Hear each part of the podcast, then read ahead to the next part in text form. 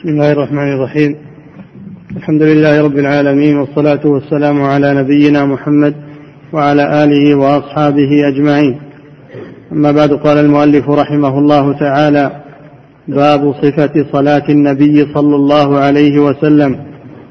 بسم الله الرحمن الرحيم. الحمد لله رب العالمين صلى الله وسلم على نبينا محمد. وعلى آله وصحبه. قال رحمه الله باب صفة صلاة النبي صلى الله عليه وسلم. أي الكيفية التي كان صلى الله عليه وسلم يؤدي الصلاة بها.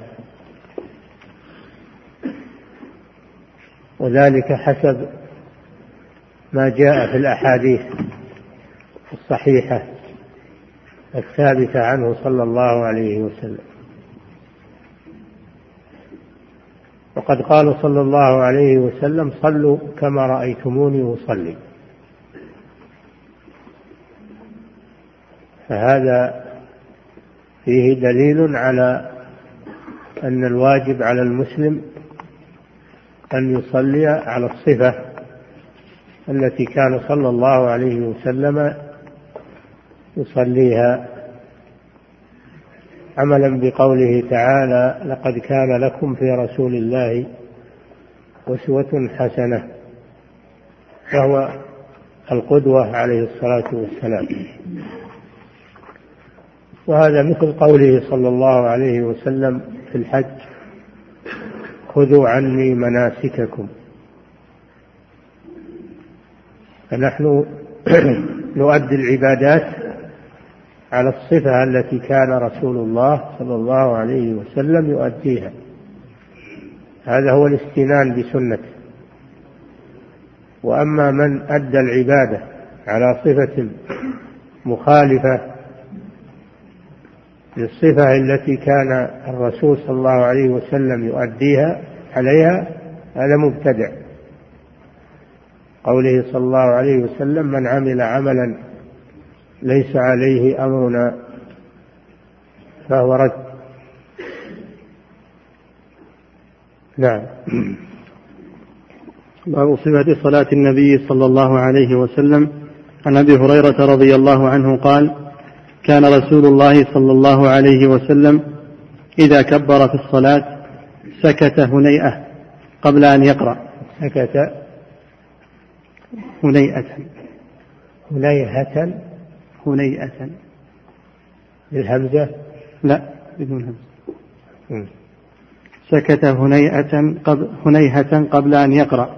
بالهمزة ولا بالهاء؟ بالهاء. إي نعم هنيهة هنيهة قبل أن يقرأ.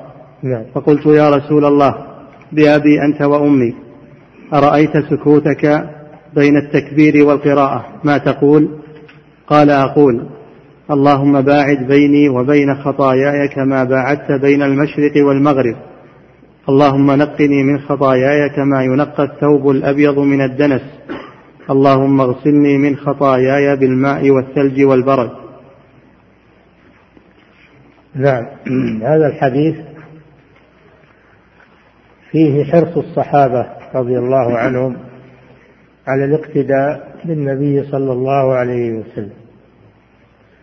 فإن أبا هريرة لما رأى النبي صلى الله عليه وسلم يسكت بعد تكبيرة الإحرام وقبل قراءة الفاتحة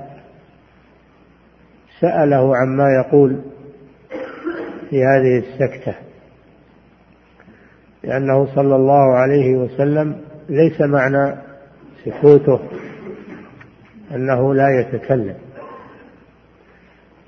فإن الصلاة ليس فيها سكوت ليس فيه ذكر لله عز وجل. فلا بد أن النبي صلى الله عليه وسلم كان يقول ذكرا في هذه الفترة لكنه لما كان عليه الصلاة والسلام لا يجهر بها فإن أبا هريرة سأله عما يقوله سرا فيها. هذا فيه حرص الصحابة على الاقتداء بالرسول صلى الله عليه وسلم وأنهم يسألونه حتى عما يقول في سكوته يعني في عدم جهره من حرصهم على أن يقتدوا به. وقوله هنيهة هذا تصغير يعني زمنا يسيرا يسكت زمنا يسيرا.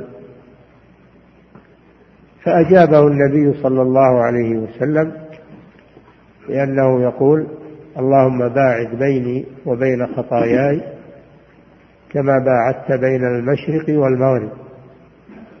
اللهم نقني من خطاياي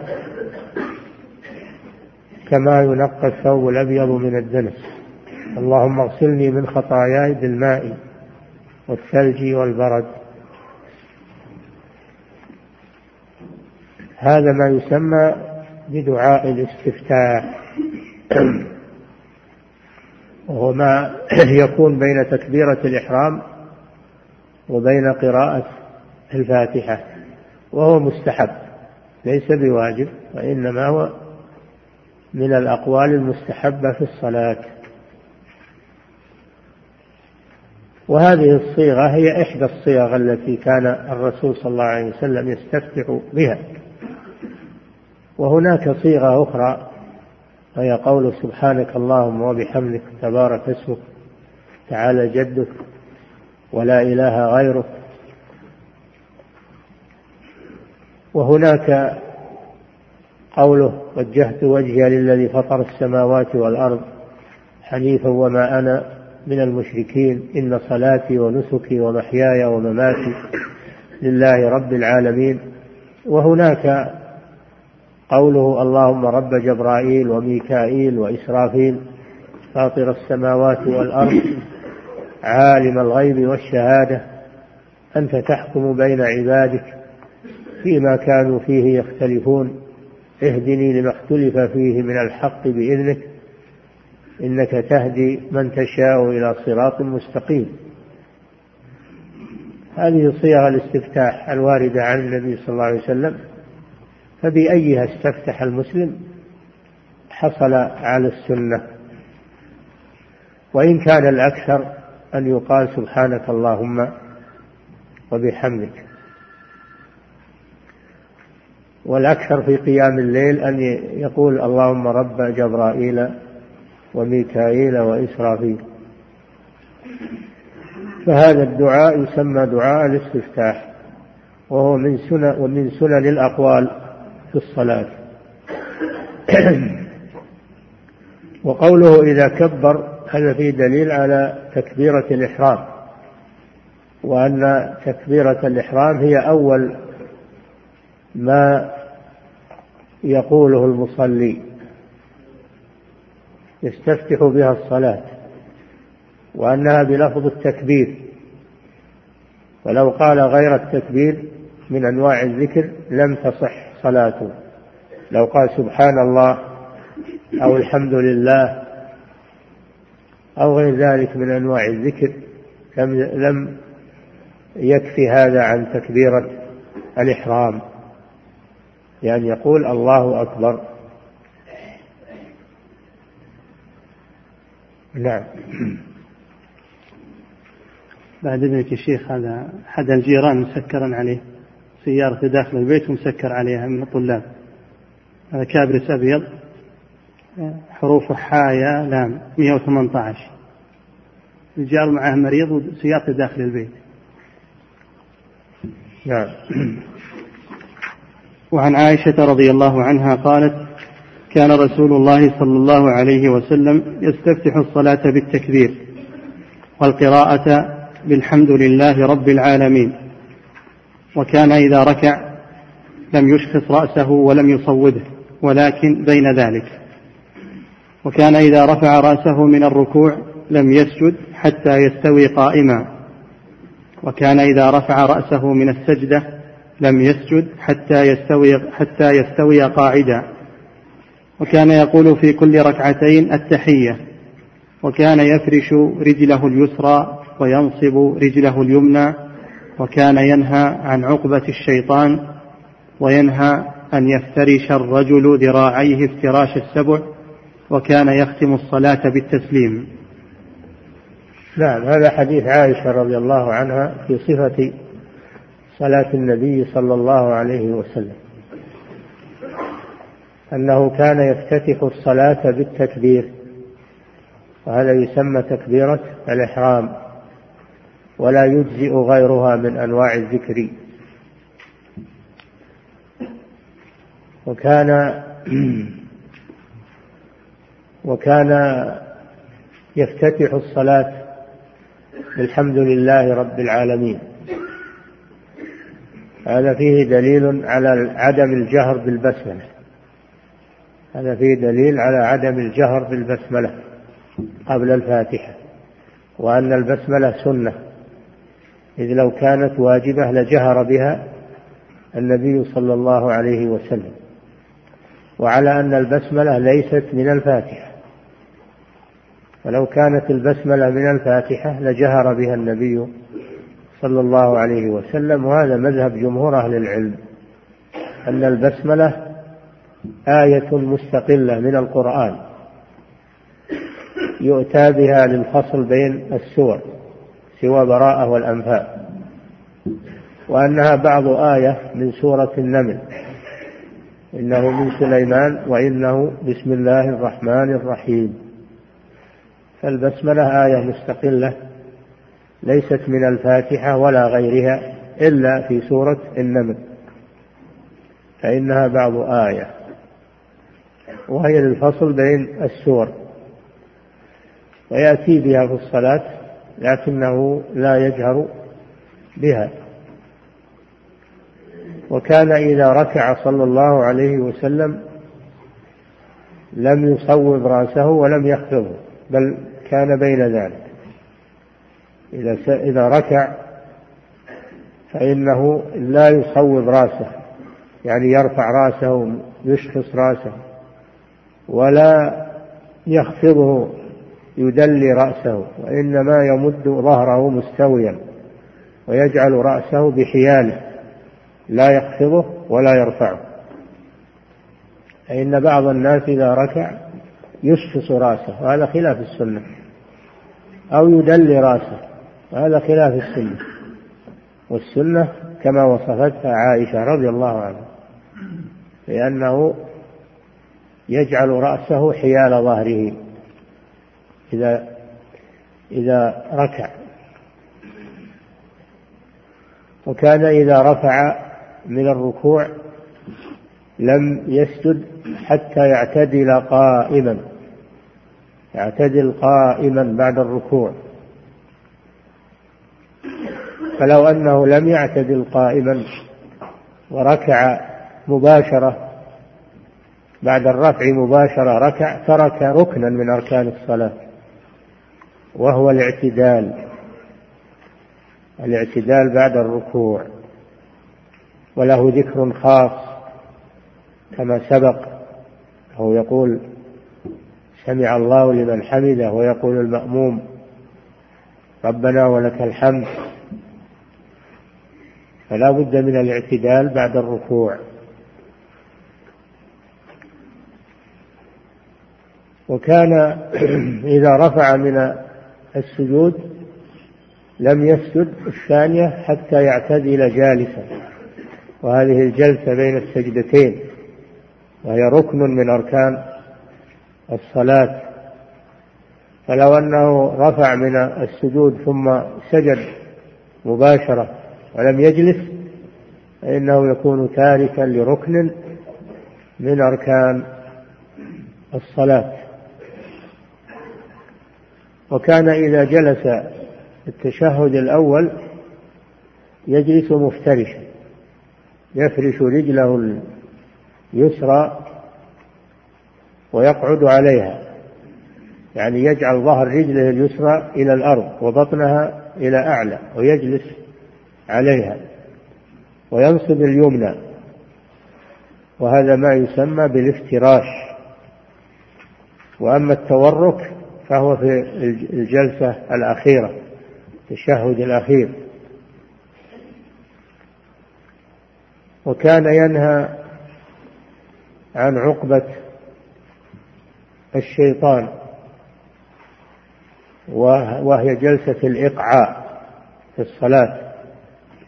جلسة الإقعاء في الصلاة بأن يقعد على الأرض يجعل مقعدته على الأرض ويرفع ساقيه إلى أعلى ويعتمد على يديه على الأرض. هذه صفة لعقبة الشيطان. والصفة الثانية أنه يفرش رجليه ويجعل ظهورهما إلى الأرض ويجلس على بطون قدميه. هذه أيضا منهي عنها. هذه عقبة الشيطان. وبكلا الصفتين فسر أهل العلم عقبة الشيطان بهذين التفسيرين.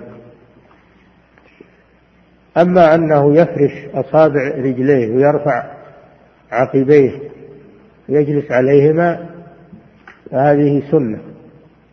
يفعلها بعض الأحيان كما في صحيح مسلم. يفعلها بعض الأحيان. هذه سنة وليست هي عقبة الشيطان. وإن كان الغالب ما قالت عائشة أنه يفرش اليسرى ويجلس عليها وينصب اليمنى. لكن لو أنه بعض الأحيان فرش أصابع رجليه على الأرض ورفع عقبيه وجلس عليهما فهذا من السنة.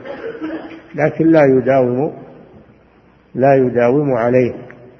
نعم آخر الحديث.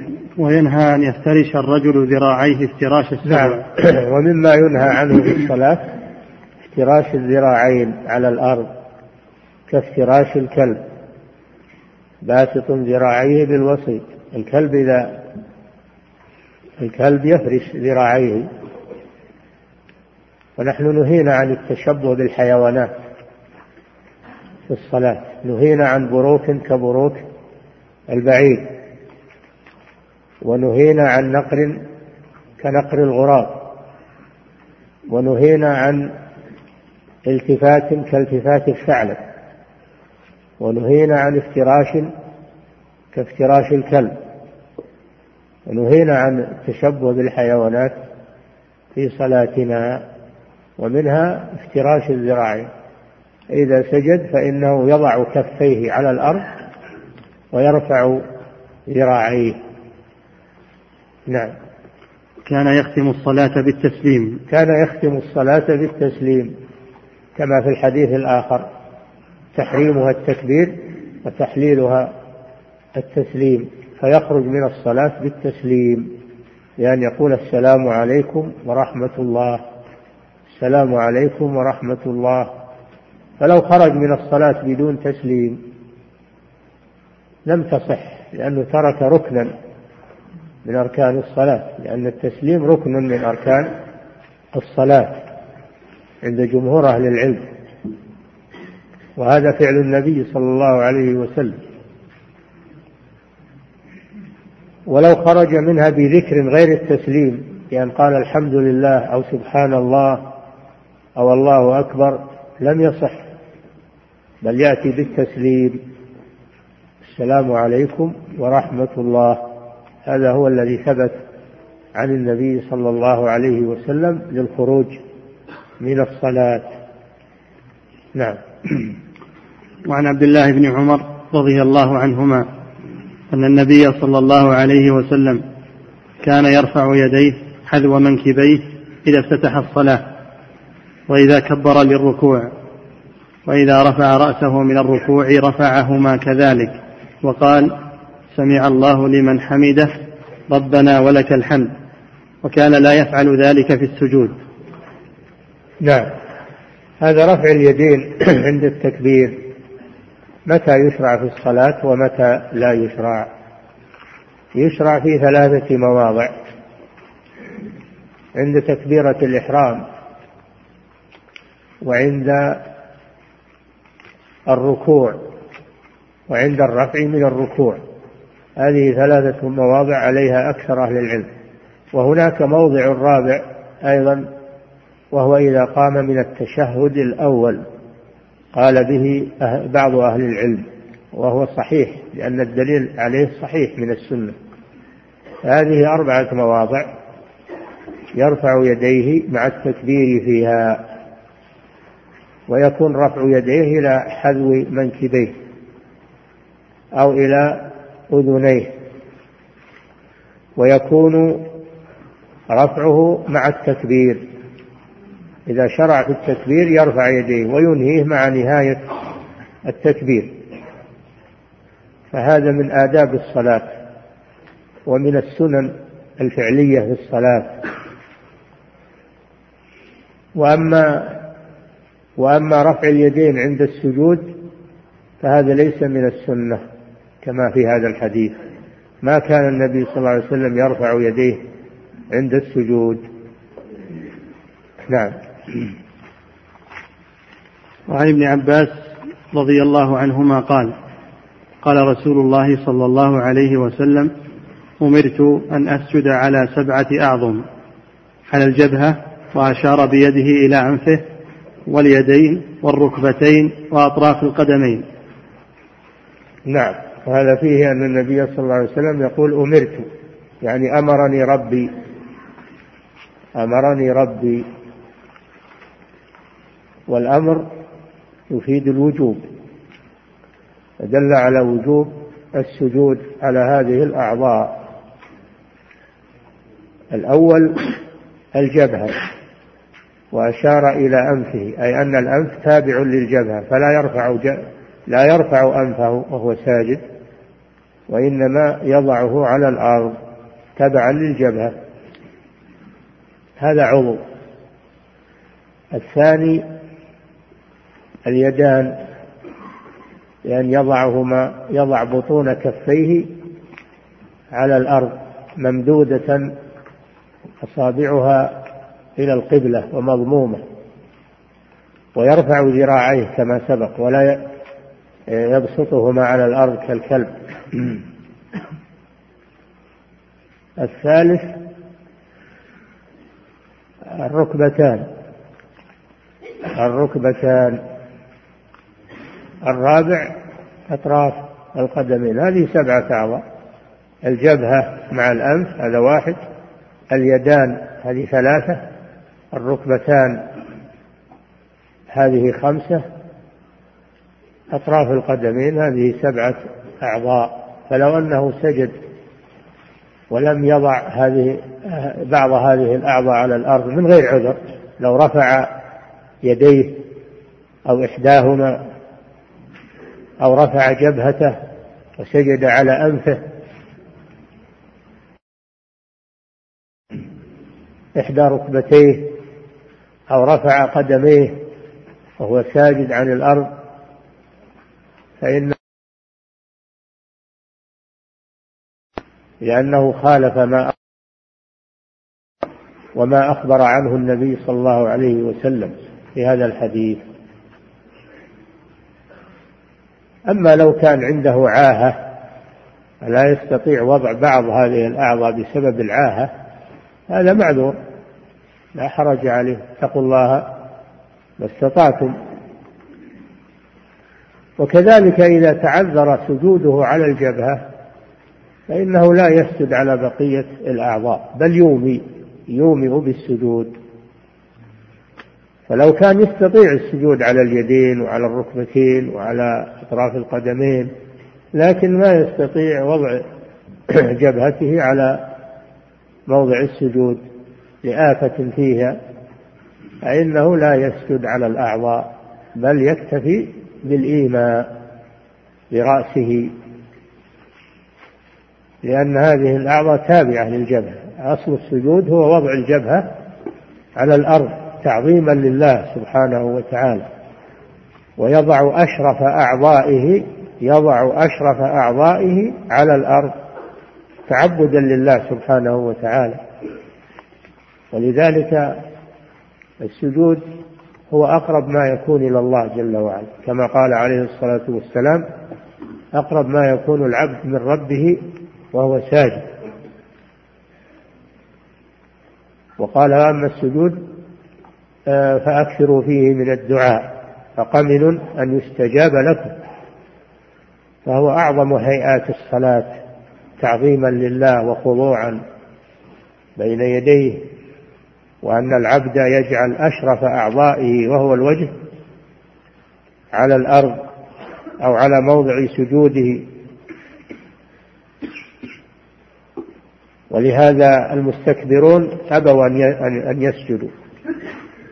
وإذا قيل لهم اركعوا لا أنفة واستكبارا والعياذ بالله عن عبادة الله.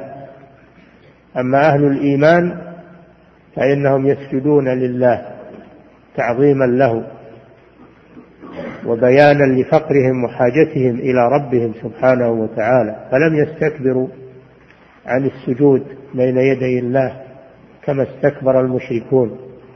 إذا قيل لهم اركعوا لا يركعون. ويل يومئذ للمكذبين. نعم.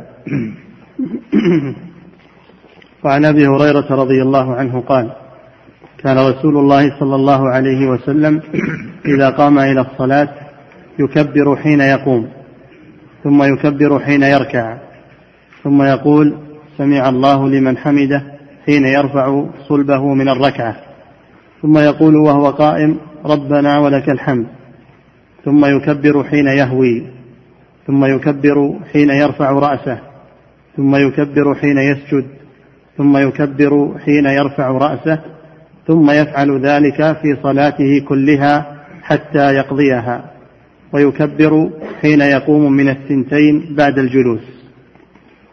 نعم هذا فيه أن أن الرسول صلى الله عليه وسلم كان يكبر عند كل خفض ورفع في الصلاة. يكبر عند كل خفض ورفع في الصلاة. وهذه التكبيرات تسمى تكبيرات الانتقال يعني الانتقال من شرط آه، من من ركن إلى ركن. وهي واجبة من واجبات الصلاة. أما تكبيرة الإحرام فإنها ركن من أركان الصلاة. لا تنعقد الصلاة إلا بها. أما بقية التكبيرات فإنها واجبة عند عند جمهور أهل العلم وليست ركنا. وبعض العلماء يرى أنها مستحبة. ولكن الصحيح أنها واجبة. لأن النبي صلى الله عليه وسلم داوم عليها لأن لفظ كان الرسول الله كان رسول الله يفعل كذا يدل على المداومة والاستمرار. فكان يكبر إذا ركع. يكبر تكبيرة الإحرام هذه ركن. ثم يكبر إذا ركع. يقول الله أكبر. ثم يقول سمع الله لمن حمده إذا رفع وهذا للإمام كما سبق. أما المأموم فإنه يقول ربنا ولك الحمد. وأما الإمام فإنه يقول سمع الله لمن حمده أي استجاب الله لمن حمده. ومرنا في الحديث أنه أيضا يقول ربنا ولك الحمد. فالإمام يجمع بين التسميع والتحميد. وأما المأموم فإنه يقتصر على التحميد فقط ولا يأتي بالتسميع. وكذلك المنفرد مثل الإمام. المنفرد مثل الإمام. يقول سمع الله لمن حمده ربنا ولك الحمد. وكان يكبر إذا سجد إذا انحط من القيام إلى السجود يكبر. وكان يكبر إذا رفع من السجود.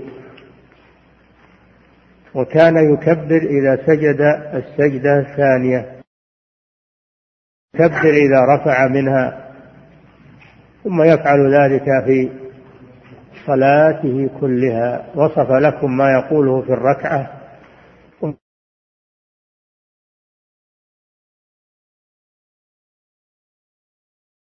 ورفع في الصلاة يكبر الله والتكبير معناه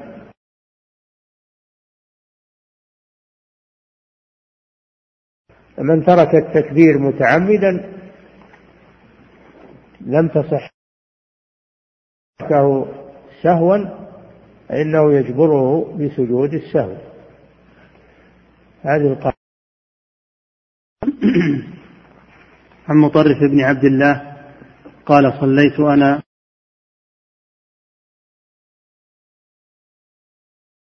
سجد كبر وإذا رفع رأسه كبر وإذا نهض من الركعتين كبر. أخذ بيدي أخذ حصين وقال أخذ بيدي عمران بن حصين وقال قد ذكرني هذا صلاة محمد أو قال صلى بنا صلاة محمد صلى الله عليه وسلم. هذا مطرف بن عبد قال صليت أنا وعمران بن حصين الله عنهما خلف علي بن أبي طالب أمير المؤمنين رابع الخلفاء وابن عم الرسول صلى الله عليه وسلم.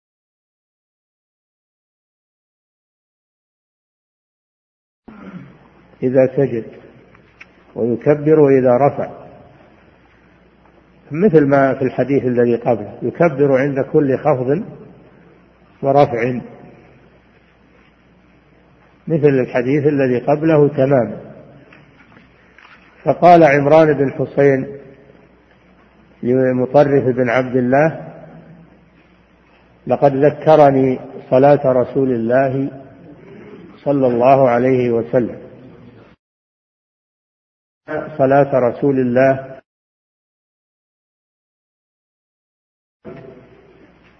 أن التكبير في الانتقالات أنه مشروع ولا يترك كل خفض ورفع ويكبر. هذا لم يرد. يكبر إذا قام يعني من الركعتين الأوليين. إتيان بالثالثة والرابعة يكبر. فالتكبير قاعدة أنه في كل خفض ورفع في الصلاة. وحتى لو سجد للتلاوة في الصلاة لو سجد للتلاوة في الصلاة فإنه يكبر إذا خفض ويكبر إذا إذا رفع. لأن النبي صلى الله عليه وسلم كان يكبر في كل خفض ورفع في الصلاة. أعد الحديث. وعن مطرف بن عبد الله قال صليت أنا وعمران بن حصين خلف علي بن أبي طالب فكان إذا سجد كبر وإذا رفع رأسه كبر وإذا نهض من الركعتين كبر فلما قضى الصلاة أخذ بيد عمران بن حصين وقال قد ذكرني هذا صلاة محمد صلى الله عليه وسلم أو قال صلى بنا صلاة محمد صلى الله عليه وسلم.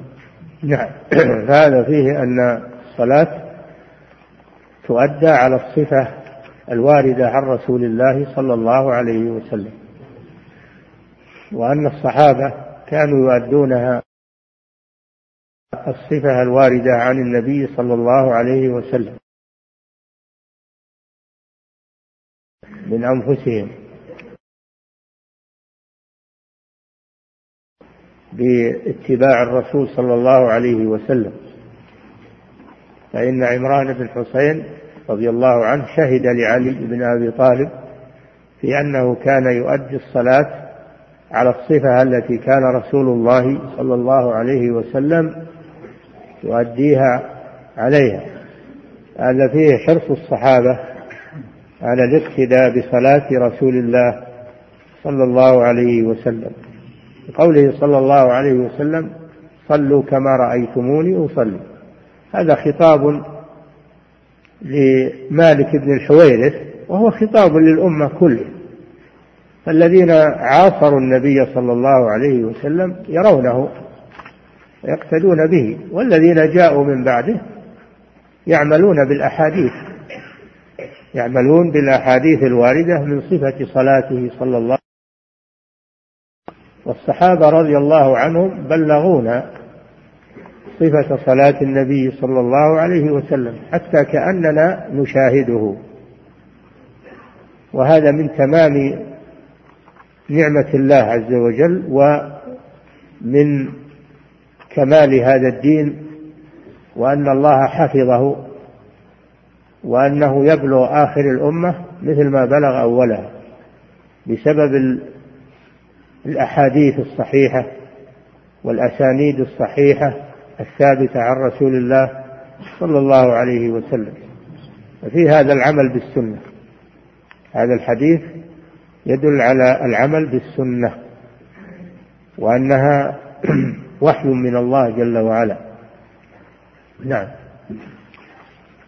وعن البراء بن عازب رضي الله عنه قال رمقت الصلاة مع مع محمد صلى الله عليه وسلم فوجدت قيامه فركعته فاعتداله بعد ركوعه فسجدته, فسجدته فجلسته بين السجدتين فسجدته فجلسته ما بين التسليم والانصراف قريبا من السواء. في رواية البخاري ما خلا القيام والقعود قريبا من السواء. نعم هذا هذا الصحابي عابد البراء بن عازب. البراء بن عازب رضي الله عنه. في هذا الحديث أنه رمق صلاة النبي صلى الله عليه وسلم. يعني تتبعها تتبعها جزئية جزئية. وهذا من حرصهم رضي الله عنهم على حفظ السنة وعلى تبليغها للناس. وعلى الاقتداء برسول الله صلى الله عليه وسلم.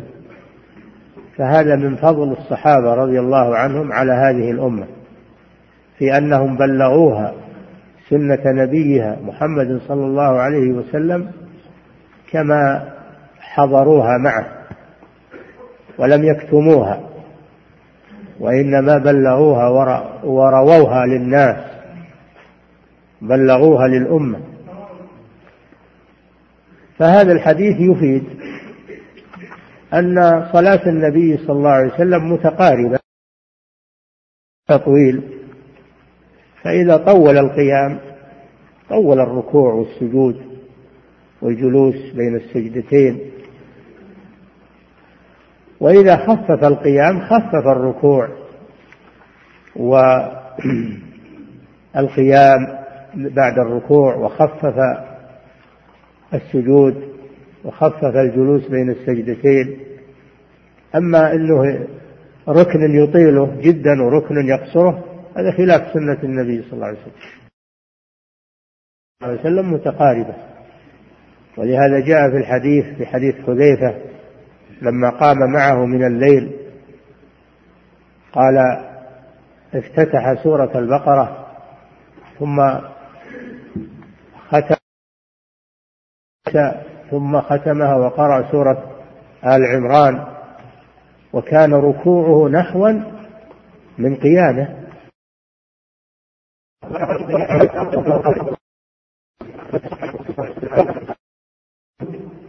وكان سجود لأن الصلاة تكون متناسبة. لا يكون بعضها طويل. بل تكون متناسبة.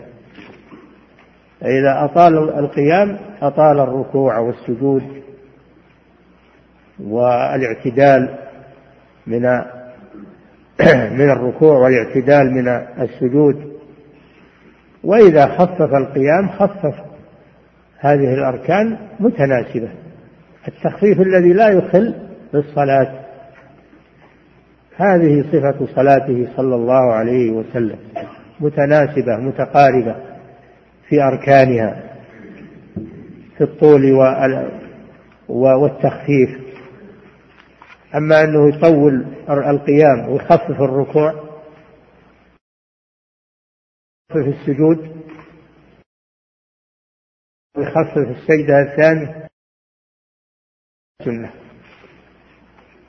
بل يراعي أن تكون صلاته متقاربة. في أركانها متناسبة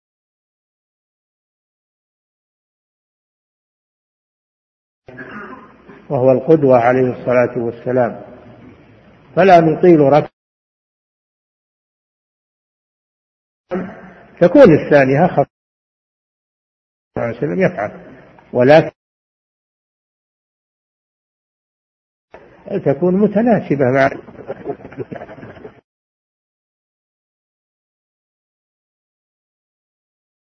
الله عنه قال الله صلى الله عليه وسلم نعم. إني لآل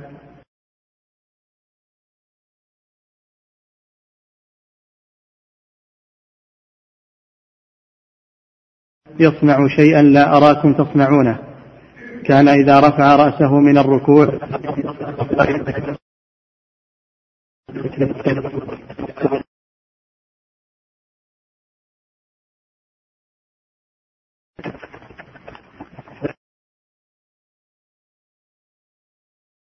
يروي عن أنس بن صلى الله عليه وسلم.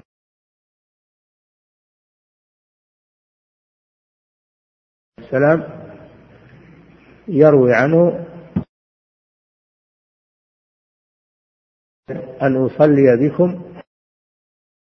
الله صلى الله عليه وسلم يصلي بنا.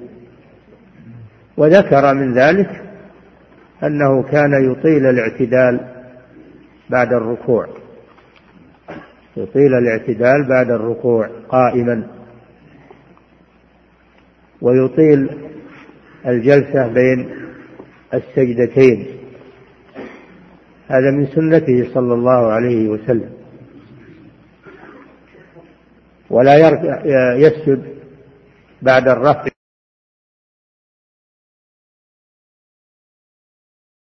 الركوع مباشرة ترك ركنا من أركان الصلاة وهو الاعتدال.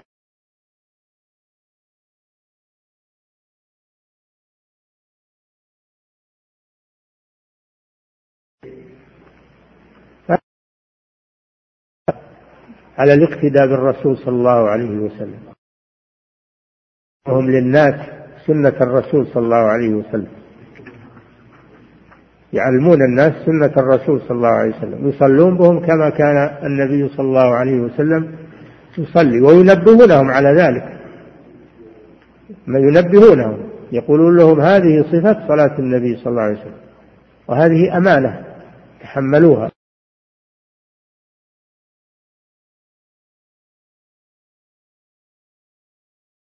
بسنة النبي صلى الله عليه وسلم الصلاة. النبي صلى الله عليه وسلم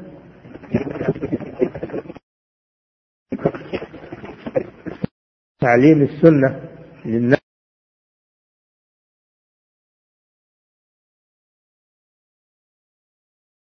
للناس. ولا يقتصر على نفسه. وفيه أن الاعتدال بعد الركوع والاعتدال بعد السجود لأن بعض الناس يفرط في هذين فيسرع. إذا قام من الركوع يسرع في السجود إذا قام من السجدة يسرع إلى السجدة الثانية. وهذا خلاف سنة الرسول صلى الله عليه وسلم. الاعتدال ركن في الموضعين من أركان الصلاة ويقال فيه ذكر يقول ربنا ولك الحمد ويأتي بما ورد ويقول بين السجدتين رب اغفر لي وارحمني واهدني وعافني وارزقني ويكرر الاستغفار رب اغفر لي رب اغفر لي رب اغفر لي على الأقل ثلاث مرات هذا هو الأكمل. فهذا فيه الطمأنينة فيه الطمأنينة في الأركان. الطمأنينة في الاعتدال والطمأنينة في الجلسة بين السجدتين والطمأنينة في كل في كل أركان الصلاة. كما قال النبي صلى الله عليه وسلم للم إذا استقبل القبلة وكبر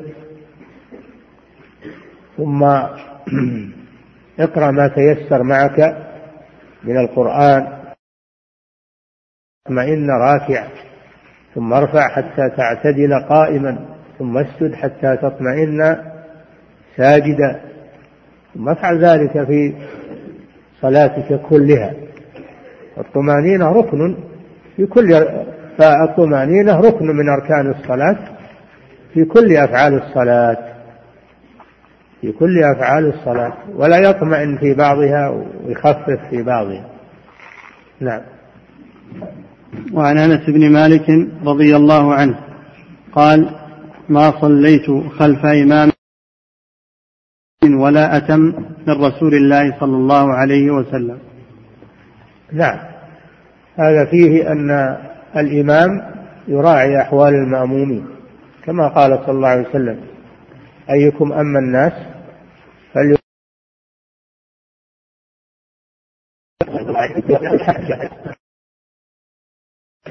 يعني منفردا فليطول ما شاء.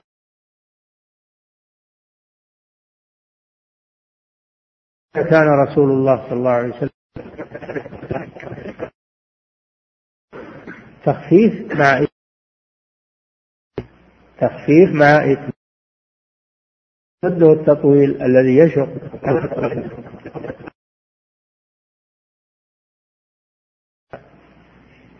العجلة التي تخل بالصلاة.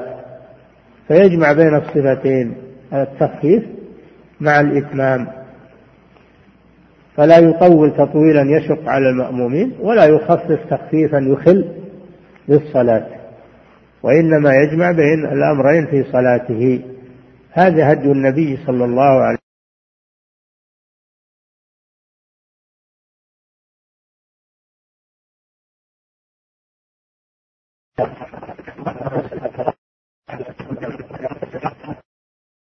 كان صلى الله عليه وسلم يراعي حتى يراعي أحوالهم وحتى النساء التي يصلي الأطفال لا يشق على أمته عليه الصلاة والسلام.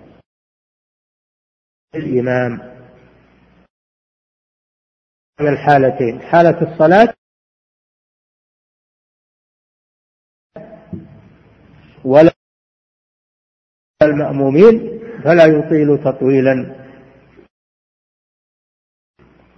وهذا جمع بين المصلحتين مصلحة الصلاة ومصلحة المصلين.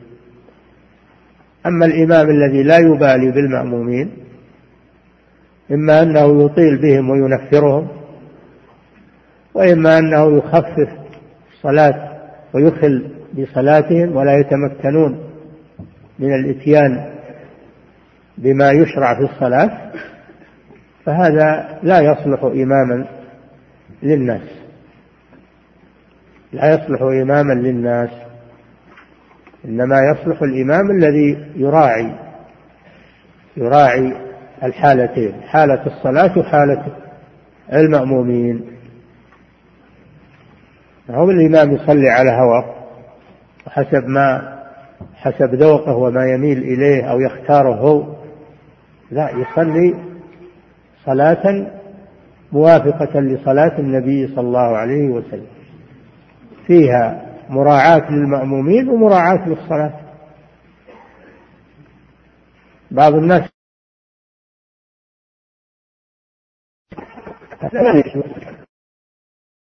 أول الصلاة علشان ينفر الناس.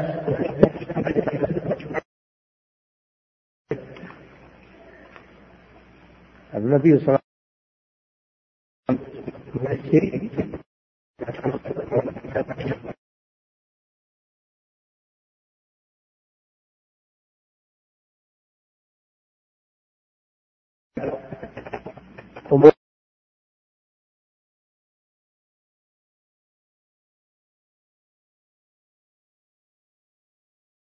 ذلك. يقول أنس بن مالك نعم. نعم. وعن وعن أنس بن مالك رضي الله عنه إمام قط أخف صلاة. نعم. ما صليت خلف إمام أخف صلاة وأتم صلاة من رسول الله.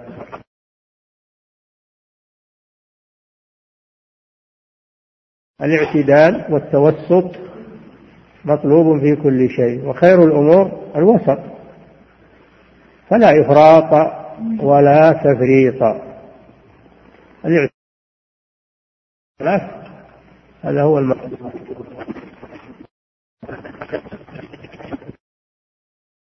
عبد الله بن زيد. نعم.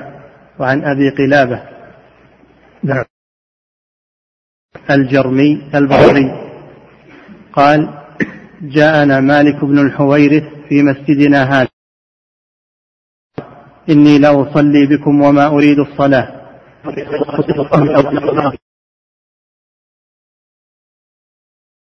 فقلت لأبي قلابة كيف كان يصلي؟ قال مثل صلاة شيخنا هذا. وكان يجلس قبل أن ينهض.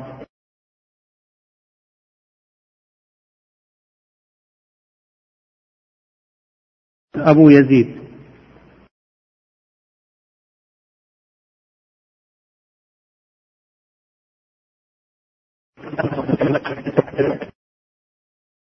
حويرث في مالك بن الحويرث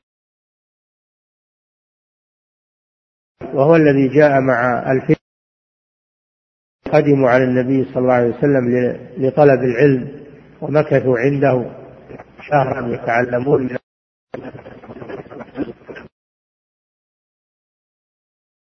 رآهم يحنون إلى أهليهم وأوطانهم وكان صلى الله عليه وسلم رحيما بالأمة. فقال لهم لعلكم تذكرتم أهليكم و ثم أذن لهم في أذن لهم في الرجوع إلى أهلهم. أذن لهم في الرجوع إلى أهلهم. وقال إذا حضرت الصلاة فليؤذن لكم أحدكم وليؤمكم أكبركم. وقال صلوا كما رأيتموني صلوا كما رأيتموني أصلي. هذا مالك بن الحويرث رضي وكان أتى إلى أهل المسجد هذا وعلمهم صفة صلاة النبي صلى الله عليه وسلم. نعم. جاءنا مالك بن الحويرث في مسجدنا هذا لأصلي بكم وما أريد. ولكن قصدي تعليمكم الصلاة. نعم.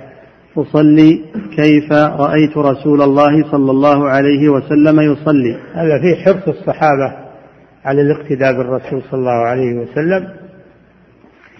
وهذا عملا بقوله لقد كان لكم في رسول الله أسوة حسنة. وفيه العمل بالسنة.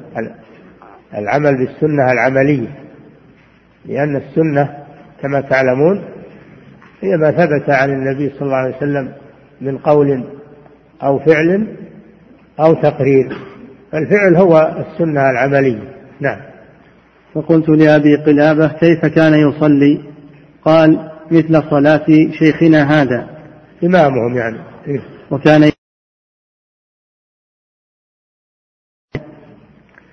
هذه جلسة الاستراحة. هذه جلسة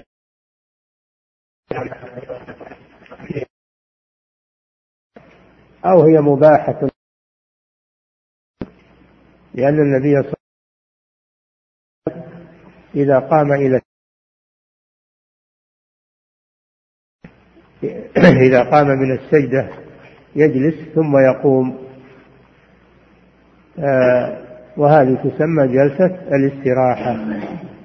العلماء فيها على رأيين. الرأي الأول أنها غير مشروعة وإنما تفعل عند الحاجة لأن النبي صلى الله عليه وسلم إنما فعلها فتفعل عند الحاجة. فالكبير اللي يحتاج إليها والمريض يحتاج إليها. أما القوي فإنه لا يجلس جلسة الاستراحة. في أول حياة من كان قويا.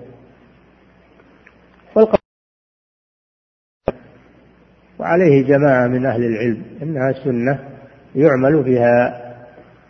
الله أعلم. الراجح والله أعلم أنها ليست سنة وإنما هي حسب الحاجة. نعم. وعن عبد الله بن مالك بن بحينة رضي الله عنه. يكفي نقف عندها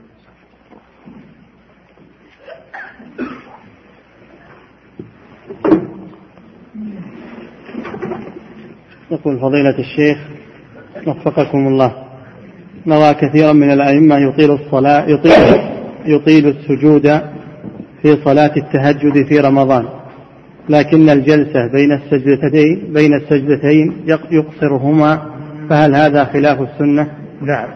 هذا خلاف السنة. اللي يطيل بعض الصلاة ويخفف بعضها هذا خلاف السنة. سمعتم أن صلاة النبي صلى الله عليه وسلم متقاربة.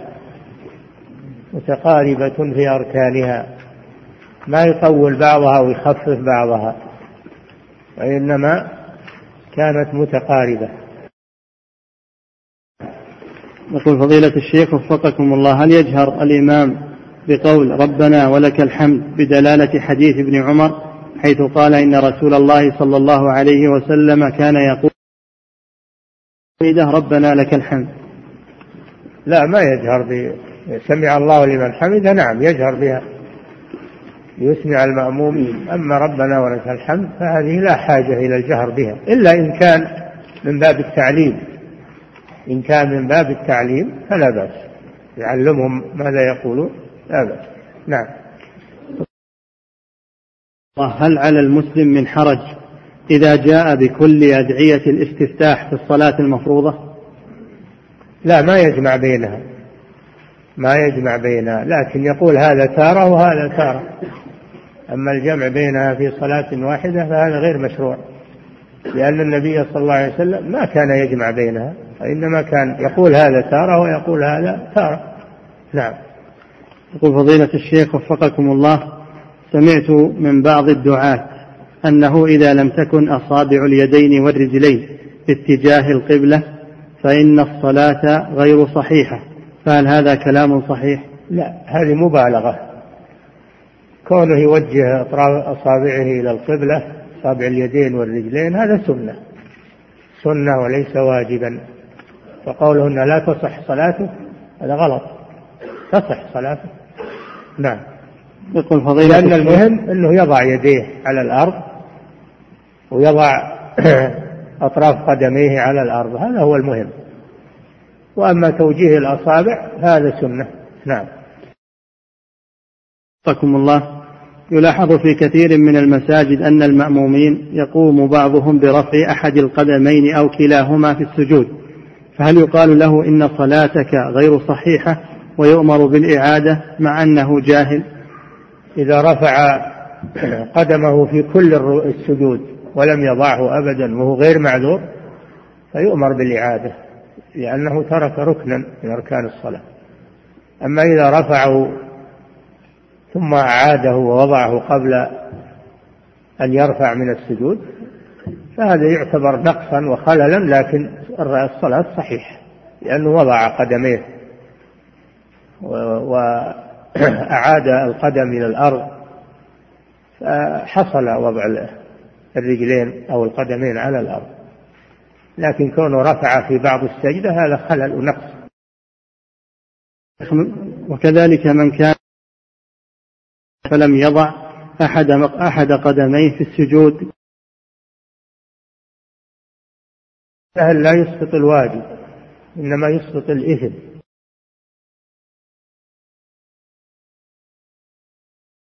نسي توضأ يسقط عنه الوضوء لا. لكن يسقط الواجب فلا بد أن يأتي. يقول فضيلة الشيخ وفقكم الله إذا نسي الإمام قول ربنا ولك الحمد بعد التسميع فهل يسجد للسهو؟ إذا إيش؟ إذا نسي الإمام أن يقول ربنا لك الحمد بعد التسميع فهل يسجد للسهو؟ لا. الصحيح والذي عليه الجمهور أن الإمام عليه أن يقول سمع الله لمن حمده. أما إذا قال ربنا ولك الحمد لكنه أفضل وأحسن. نعم. يقول فضيلة الواجب على المأموم أن يقول ربنا ولك الحمد والواجب على الإمام أن يقول سمع الله لمن حمده. يقول فضيلة الشيخ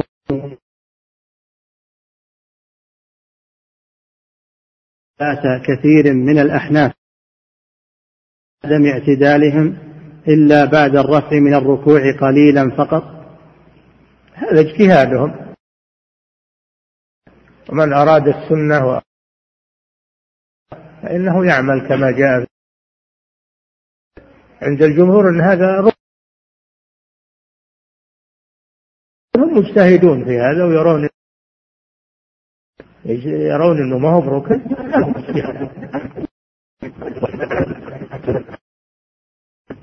أبطلنا صلاتهم صار هذا اجتهادهم ومقتنعين منه. نحن نبين لهم السنة فقط أما أن نلزمهم لا. نعم. يقول فضيلة إذا صليت يوم الجمعة بسورة السجدة والإنسان نعم. نعم. يقول بعض الناس إذا صليت بالجماعة في الفجر في يوم الجمعة. لا هذا عمل بالسنة وله من التقويم. لكن هذا كسلان. فلا فلا تلتفت إليه. إذا عملت بالسنة فلا تلتفت إلى من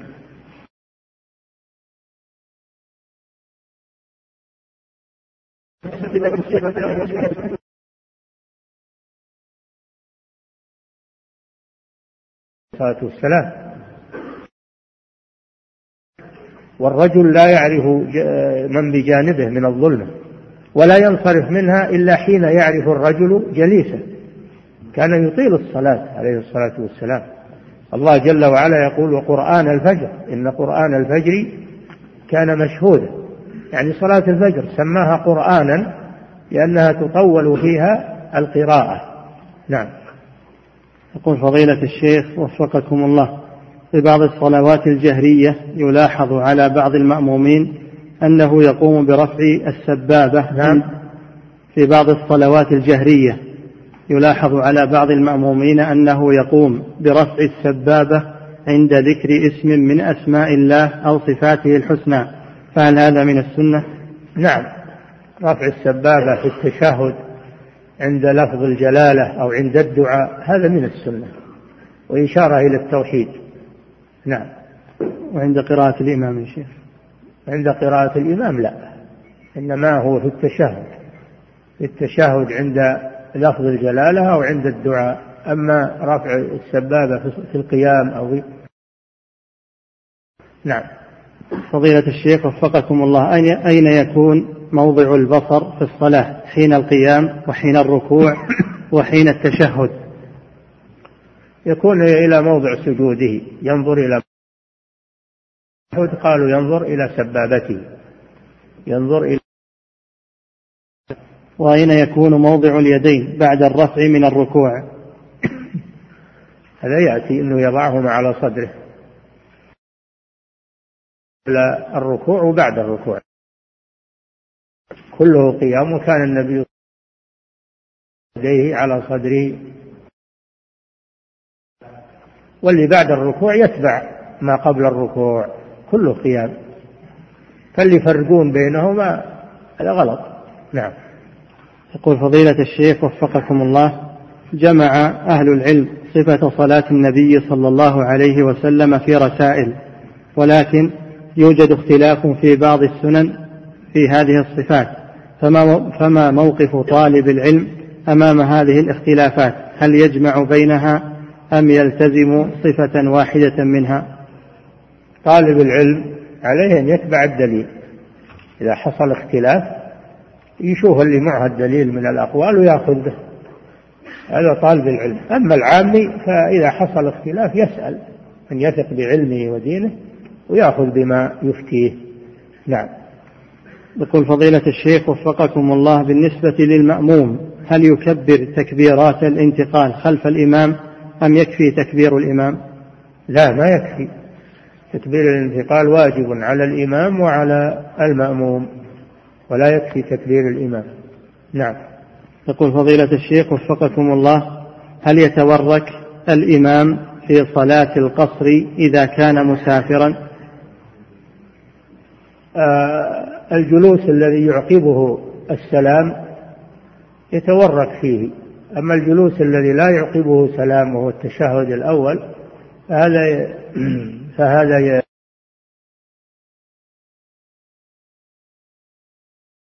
الله يكفر. وبعض العلماء يقول التي فيها جلستان في الأول يتورق وفي الثاني يتورق ليس فيها إلا جلسة يفترش فيها ولا يتورط. رأيان لأهل العلم وراجعوا كلام ابن القيم في ذات المعاد. نعم. يقول فضيلة الشيخ وفقكم الله يكثر عند بعض العوام أن يقول اللهم أحسن وقوفي بين يديك قبل الصلاة. فهل, فهل على هذا دليل؟ لا. هذا ما عليه دليل. نعم. ولا ينبغي ولا ينبغي المداومة عليه. نعم.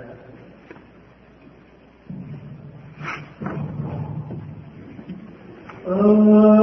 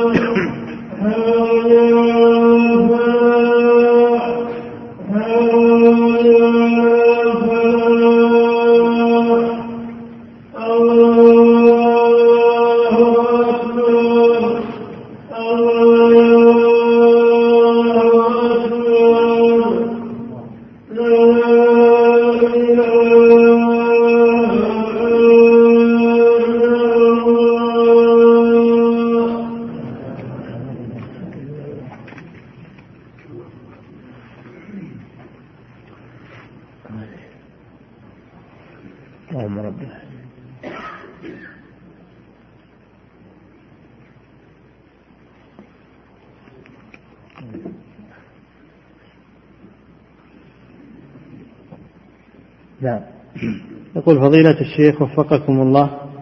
أنا إمام مسجد وأجتهد في تطبيق السنة برفق وحكمة ولكن يطلب مني بعض المأمومين من كبار السن والضعفاء وغيرهم أن أصلي في الفجر بقصار السور كالزلزلة والإخلاص والفلق وأن أسبح تسبيحة واحدة في الركوع والسجود وأن أغير صوتي وأمططه في التكبير لجلسة التشهد وقد علمتهم لأربع سنين أن هذا خلاف السنة ويريدون مني ترك المسجد فهل أوافقهم أم ماذا أفعل؟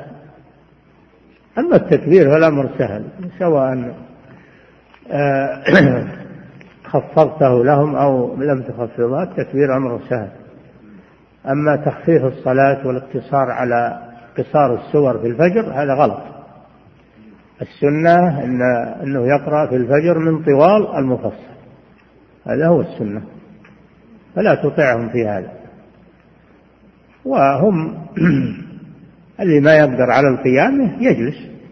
إذا كان أنه ضعيف ولا يقدر على القيام يجلس. أما إذا كان يقدر على القيام فيجب عليه القيام ولو كان عليه مشقة محتملة. الحاصل أنه ما تقرأ في الفجر من قصار المفصل. ولا تطيعهم في تخفيف الصلاة.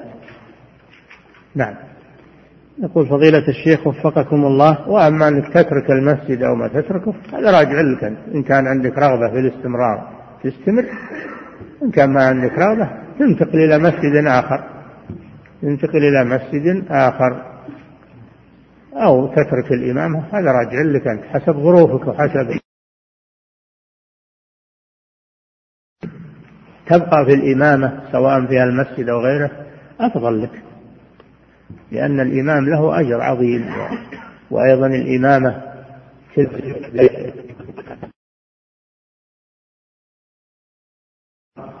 والجماعة أيضا آه، تلزمك بمعاهدة تعاهد القرآن وضبط دائما. إذا أحسنت صار لك أجرك وأجر من خلفك. فيها مصالح عظيمة. نعم. يقول فضيلة الشيخ وفقكم الله نلاحظ أن بعض الأئمة يطيل آخر سجدة من الصلاة. الدليل على خلاف هذا كما سمعتم أن صلاة كانت متساوية ومتناسبة. ما يطول بعضها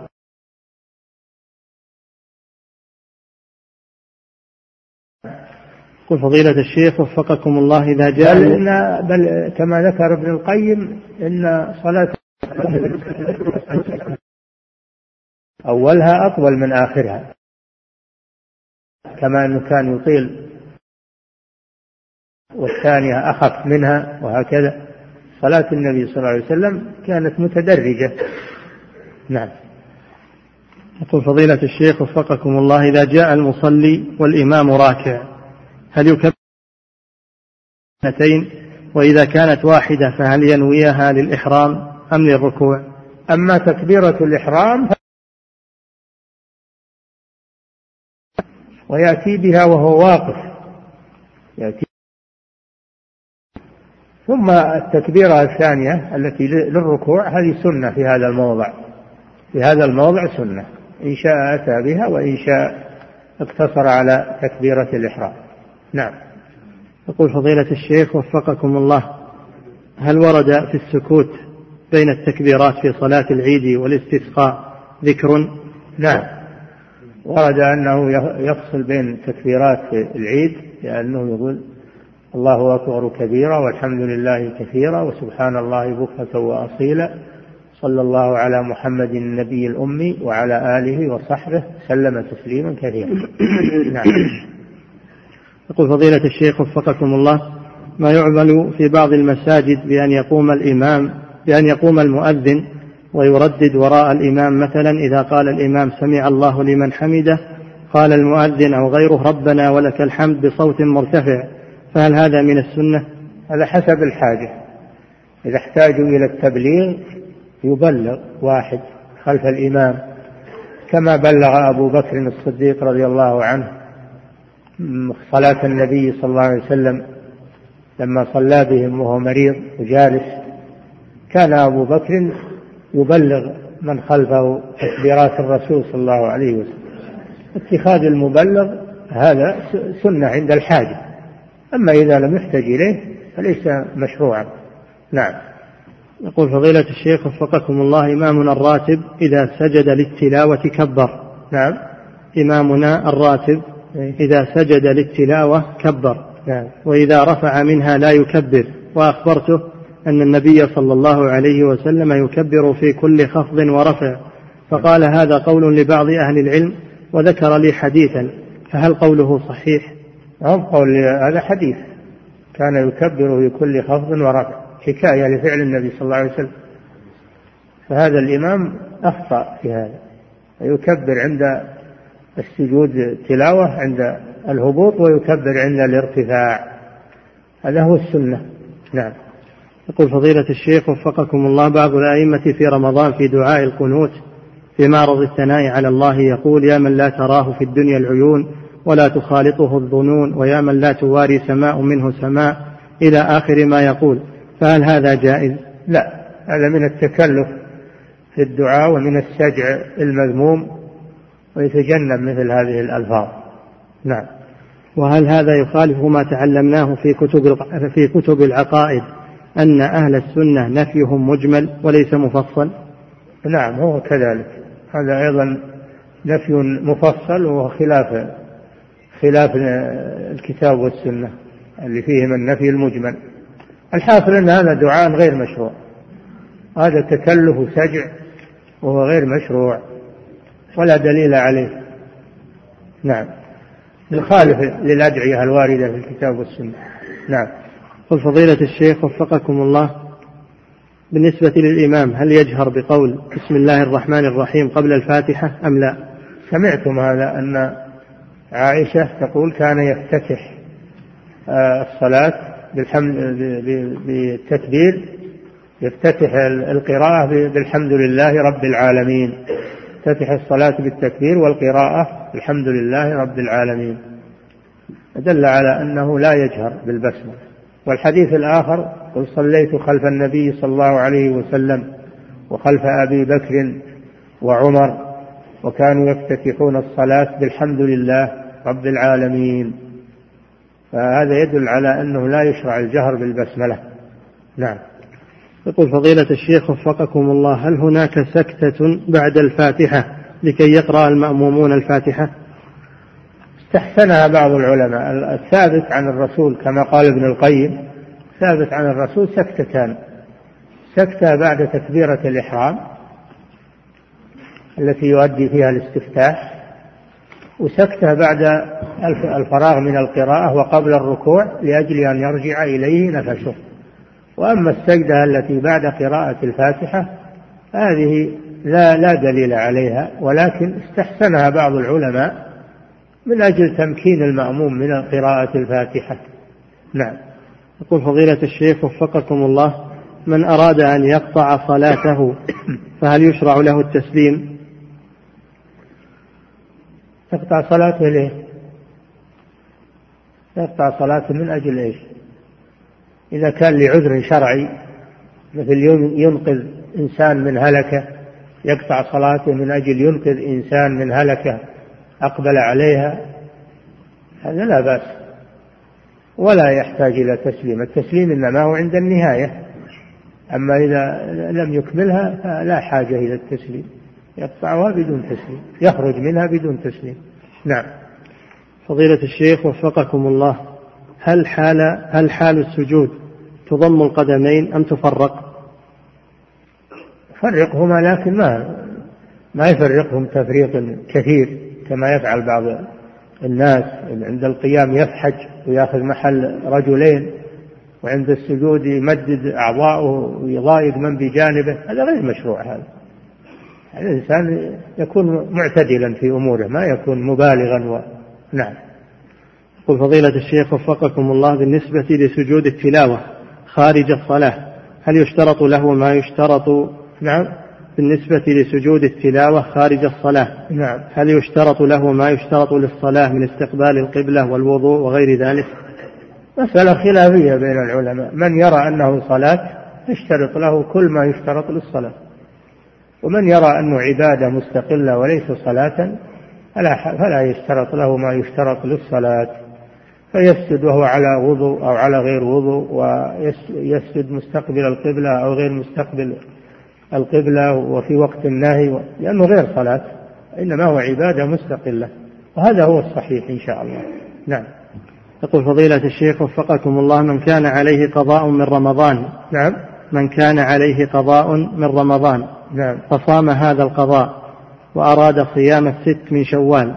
فهل يلزمه أن يفصل بين صيام القضاء وصيام الست من شوال بإفطار يوم؟ لا. لا ما يلزمه ذلك. تكفي النية. يكفي أن ينوي هذا قضاء وينوي هذا الست من شوال. ولا حاجة للفصل. نعم. فضيلة الشيخ وفقكم الله أنا مدير مدرسة وقدم لي الزملاء من المدرسين بمناسبة سكني الجديد هدية نزالة. فما حكم أخذي لهذه الهدية؟ علما أن هناك أحد المدرسين قد نزل قبلي في بيت جديد ولم يقدم له مثلي. ما ما في مانع تأخذ من زملائك المدرسين لأن هذا ما فيه اتهام ولا فيه إنما الطلبة الطلاب هم اللي ما تأخذ منهم هدايا لأن هذا فيه اتهام إنك تنجح بعضهم وتخلي بعض.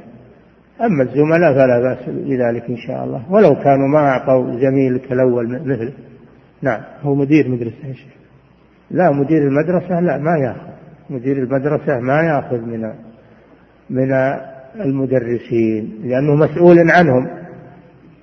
لأنه مسؤول عنهم فإذا قدموا له شيء يصير هذا رشوة يحيف معهم ولا يراعي اللي ما قدم له شيء ما يراعيه ولا يصير في نفسه له ميول.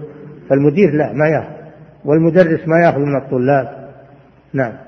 يقول فضيلة الشيخ وفقكم الله يوجد في الأسواق شريط فيديو يتكلم عن الموت ويعرض فيه طريقة تغسيل الميت وكذلك عرض للمقبرة وطريقة الدفن.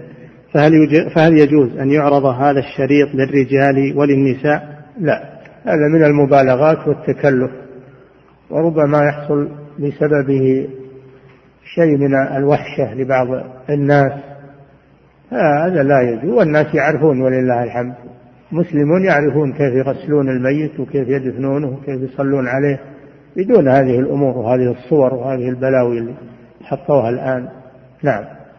يقول فضيلة الشيخ وفقكم الله ما حكم الدعاء في مواطنه أثناء الصلاة إذا كان بغير اللغة العربية؟ لا إذا كان يحسن العربية فيدعو باللغة العربية. أما إذا كان ما يحسن اللغة العربية فيدعو بلغته. لا بأس. نعم. والله تعالى أعلم وصلى الله وسلم على نبينا محمد وعلى آله وصحبه.